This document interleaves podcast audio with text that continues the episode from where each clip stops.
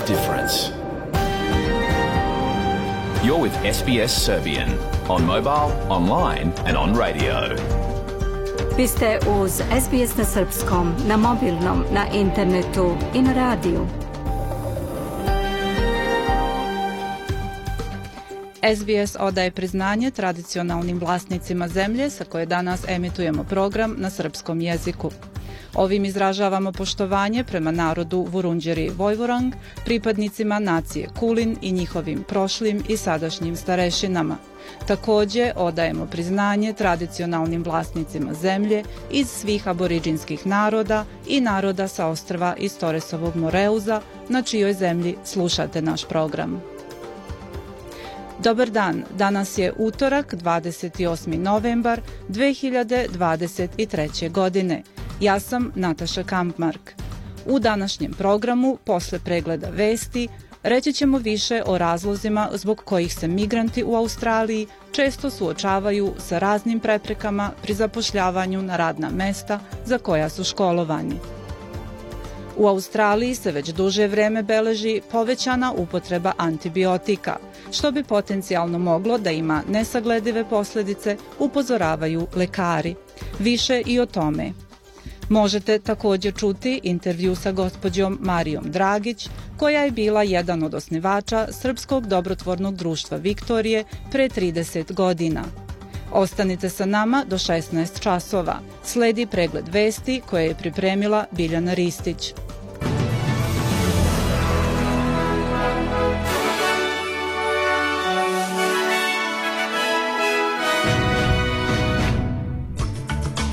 Federalna policija traga za osobom puštenom iz pritvornog centra koja je odbilo da nosi elektronski uređaj za praćenje.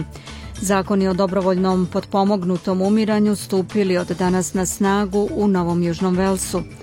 Situacija u regionu Zapadnog Balkana jedna od tema sastanka ministara NATO-a.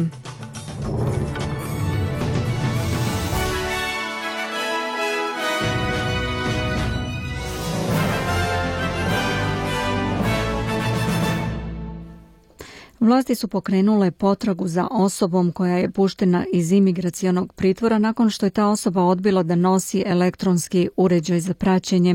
U okviru sporazuma postignutog sa koalicijom vlada je uvela obavezno praćenje puštenih pritvorenika, ali pet od 141 osobe odbilo je da nosi elektronske narukvice na gležnjevima.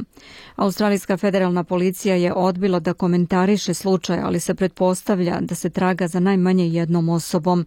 Ministar Bill Shorten rekao je za Kanal 9 da je vlada uverena da će situacija uskoro biti rešena. No, I've got no uh, doubt that the uh, federal police will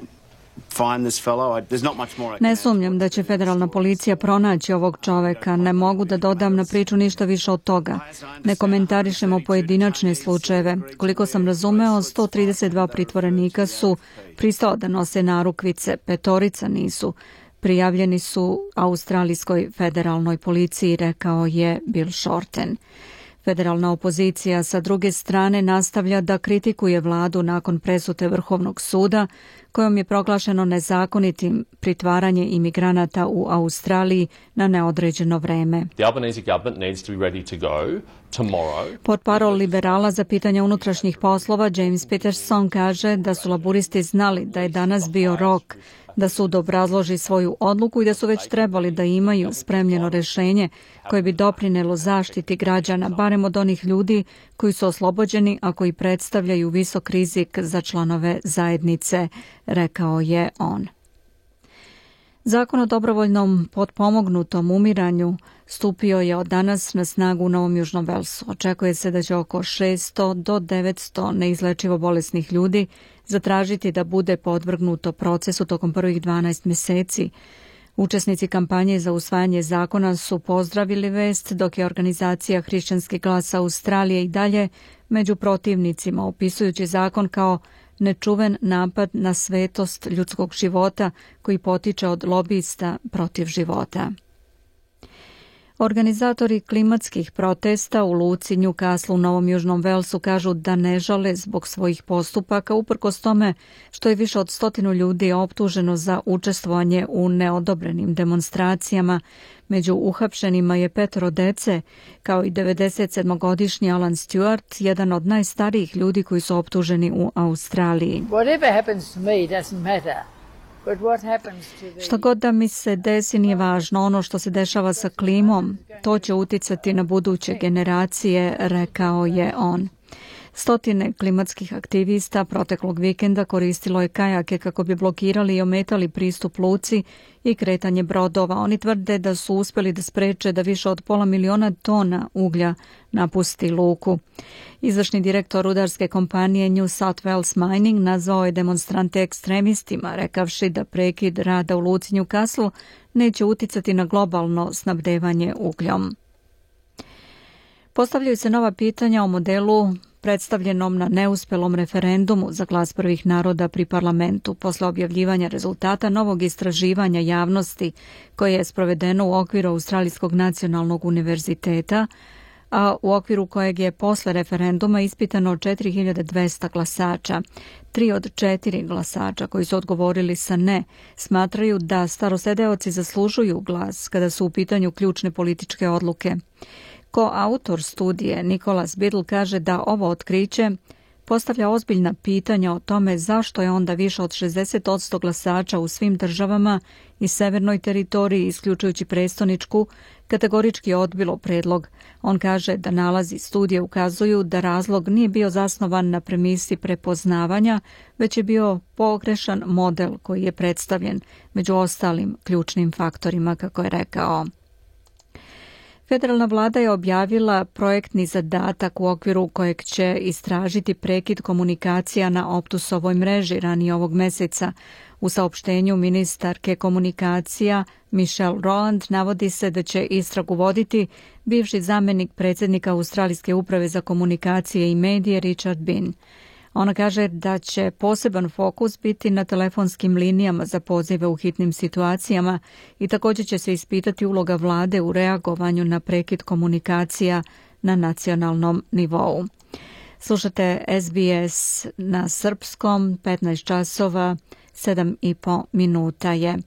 Severna Koreja poslala je dodatne trupe i oružje u demilitarizovanu zonu na granici sa Južnom Korejom nakon što je Seul delimično suspendovao vojni dogovor između dve zemlje, prenosi Reuters.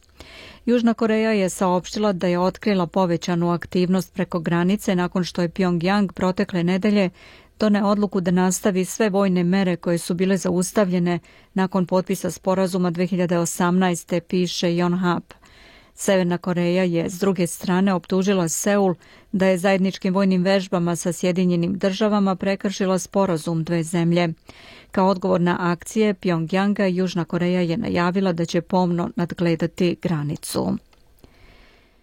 Ministar spoljnih poslova Kine Wang Yi putuje u New York 29. novembra da bude domaćin sednice Saveta bezbednosti Ujedinjenih nacija o sukobu Izraela i Hamasa saopštilo je kinesko ministarstvo spoljnih poslova. Portparol ministarstva Wang Wenbin rekao je na redovnom brifingu za novinare u Pekingu da se Kina nada da će tim sastankom moći da doprinese da se postigne prekid vatre između Izraela i Hamasa, rekao je Reuters. Ministarstvo spoljnih poslova Katara saopštilo je u ponedeljak da je primirje u Gazi produženo za još dva dana. Iz Izraela nije bilo komentara, ali je zvaničnik Bele kuće potvrdio da je postignut dogovor, kao i da će američki državni sekretar Anthony Blinken posjetiti Izrael, zapadnu obalu i Ujedinjene Arapske Emirate kasnije ove nedelje, kako bi izvršio pritisak da se uputi više humanitarne pomoći u Gazu i pomogao da se osigura oslobađanje svih talaca koje je zarobio Hamas. Generalni sekretar Ujedinjenih nacija Antonio Guterres rekao je da se dijalog koji je doveo do sporazuma mora nastaviti i ponovio poziv na potpuni humanitarni prekid vatre za dobrobit naroda Gaze, Izraela i šireg regiona. Ujedinjene nacije su povećale humanitarnu pomoć koja je stigla u gazu u posljednja četiri dana, ali Guterres kaže da te zalihe jedva da se registruju u odnosu na ogromne potrebe 1,7 miliona raseljenih. It's a glimpse of hope and humanity in the middle of the darkness of war. To je tračak nade i humanosti usred mraka rata i jako se nadam da će nam ovo omogućiti da još više povećamo humanitarnu pomoć ljudima u Gazi koji toliko stradaju, znajući da čak ni tokom tog dodatnog vremenskog perioda neće biti moguće zadovoljiti sve dramatične potrebe stanovništva u Gazi. Guterres je ponovio pozive da se preostali taoci oslobode odmah i bezuslovno i pozvao sve države da iskoriste svoj uticaj da okončaju ovaj tragični sukob i da podrže korake ka jedinoj održivoj budućnosti regiona, rešenju sa dve države, sa Izraelom i Palestinom koji žive jedni pored drugih u miru i bezbednosti. Generalni sekretar NATO-a Jens Stoltenberg pozdravio je sporazum između Hamasa i Izraela koji je doveo do oslobađanja talaca i isporuke više humanitarne pomoći. Pozivam na produženje pauze. Ovo bi omogućilo preko potrebnu pomoć ljudima u Gazi i oslobađanje još talaca. Patnja koju vidimo naglašava potrebu za trajnim političkim rešenjem, rekao je Stoltenberg i dodao da će jedna od tema dvodnevnog sastanka ministara spoljnih poslova zemalja članica tog vojno-političkog saveza biti bezbednostna situacija na Bliskom istoku, posebno u kontekstu primirja između Izraela i Hamasa, kao i bezbednostni izazovi kada je u pitanju Kina. Stoltenberg je rekao da će jedna od glavnih tema sastanka biti i pitanja koja uključuju situaciju u regionu Zapadnog Balkana. We will also address the situation in the Western Balkans.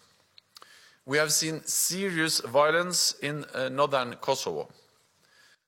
Videli smo ozbiljno nasilje na severu Kosova, podele i secesionističku retoriku u Bosni i Hercegovini, zajedno sa visokim predstavnikom EU. Razgovarat ćemo o načinima za unapređenje stabilnosti u regionu.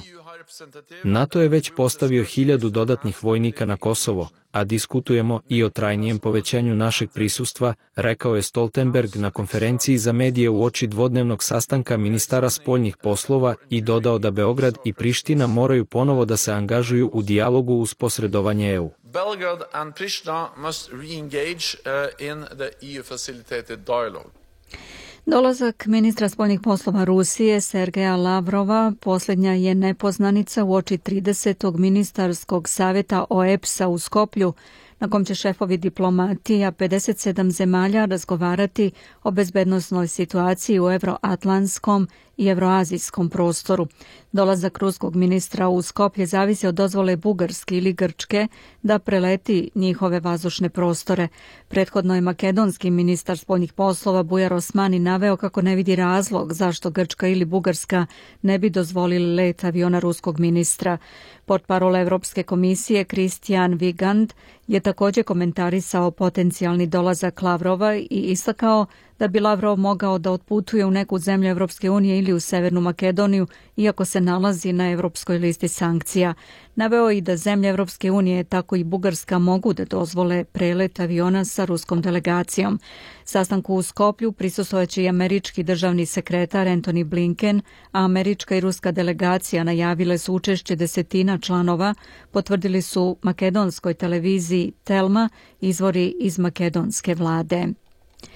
26. dan kampanje za parlamentarne i lokalne izbore u Srbiji. U ponoć je istakao rok za predaju izbornih lista. 1. decembra je krajnji rok za utvrđivanje zbirne liste za izbore. 17. decembra do sada je za parlamentarne izbore proglašeno 15 lista. Republička izborna komisija Srbije donela je odluku o određivanju vremena početka i završetka glasanja na biračkim mestima u inostranstvu, saopštio je na konferenciji za štampu predsjednik komisije Vladimir Dimitrijević. Mi smo na jučerašnjoj sednici doneli odluku o određivanju biračkih mesta u inostranstvu za glasanje za izbore za narodne poslanike Narodne skupštine. Ovim predlogom odluke dakle, određuje se vreme početka i završetka glasanja na izborima za narodne poslanike u inostranstvu e, na biračkim mestima u Kanadi, Portugali, Sjedinjeničkim državama i u Jedinom kraljevstvu. Glasanje će biti obiljeno 16. decembra u vremenu od 7 do 20 časova, to je zbog razlike u e, vremenskim zonama. Na svim ostalim biračkim e, mestima, ukupno 81, glasanje će se održati kao i u Srbiji 17. decembra u vremenu od 7 do 20 časova.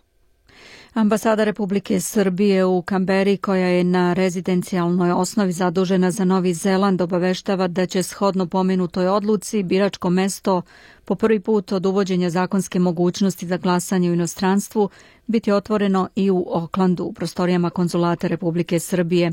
U Australiji, nažalost, nije bilo dovoljno prijavljenih birača ni u jednom gradu pojedinačno, te biračkog mesta neće biti, potvrdio je za SBS ambasador Srbije u Kamberi gospodin Rade Stefanović. Da pogledamo i kolika je vrednost australijskog dolara danas prema američkom vredi 66 centi, 60 euro centi, 52 britanska penija i 70 srpskih dinara, 75 para. Ukratko iz sporta, utakmicama petog kola večeras i sutra se nastavlja takmičenje u futbolskoj ligi šampiona. Predstavnik Srbije Crna zvezda otputovala je u Švajcarsku te će odigrati odlučujuću utakmicu za nastavak takmičenja na evropskoj sceni. Pobjeda protiv Young Boysa obezbedila bi Beogradskom klubu plasman u nokaut fazu takmičenja u Ligi Evrope, a i u slučaju nerešenog rezultata Zvezda bi imala realne izglede da osvoji treće mesto u grupi G. Utakmica počinje u sredu u 7 časova ujutro po australijskom istočnom vremenu. A kapiten ženske futbolske reprezentacije Australije Sam Ke propustit će naredne dve utakmice državnog tima zbog povrede. Najbolja igračica Matildi je već peta koja je otkazala učešće u prijateljskim susretima protiv Kanade, zakazanim za drugi 6. decembar u Langfordu i Vancouveru. Pored Sam Kerr izostaće i Cotrin Vine, Charlotte Grant, Holly McNamara i golman Mackenzie Arnold. I na kraju pregleda vesti da pogledamo i vremensku prognozu tokom popodneva u Pertu 23 stepena, lepo vreme. Oblačno je u Adelaidi sa 19, oblačno sa kišnim periodima tokom popodneva u Melbourneu 24, oblačno i u Hobartu 15 i u Kamberi popodne i kiša 20 stepeni. Kišovito u Sidneju sa 22, kiša i u Brisbaneu 23 i u Darwinu 32. Beograd danas do 5 stepeni, kišovito i hladno. Čuli ste pregled vesti. Za sve najnovije posetite sbs.com.au kosacrta news.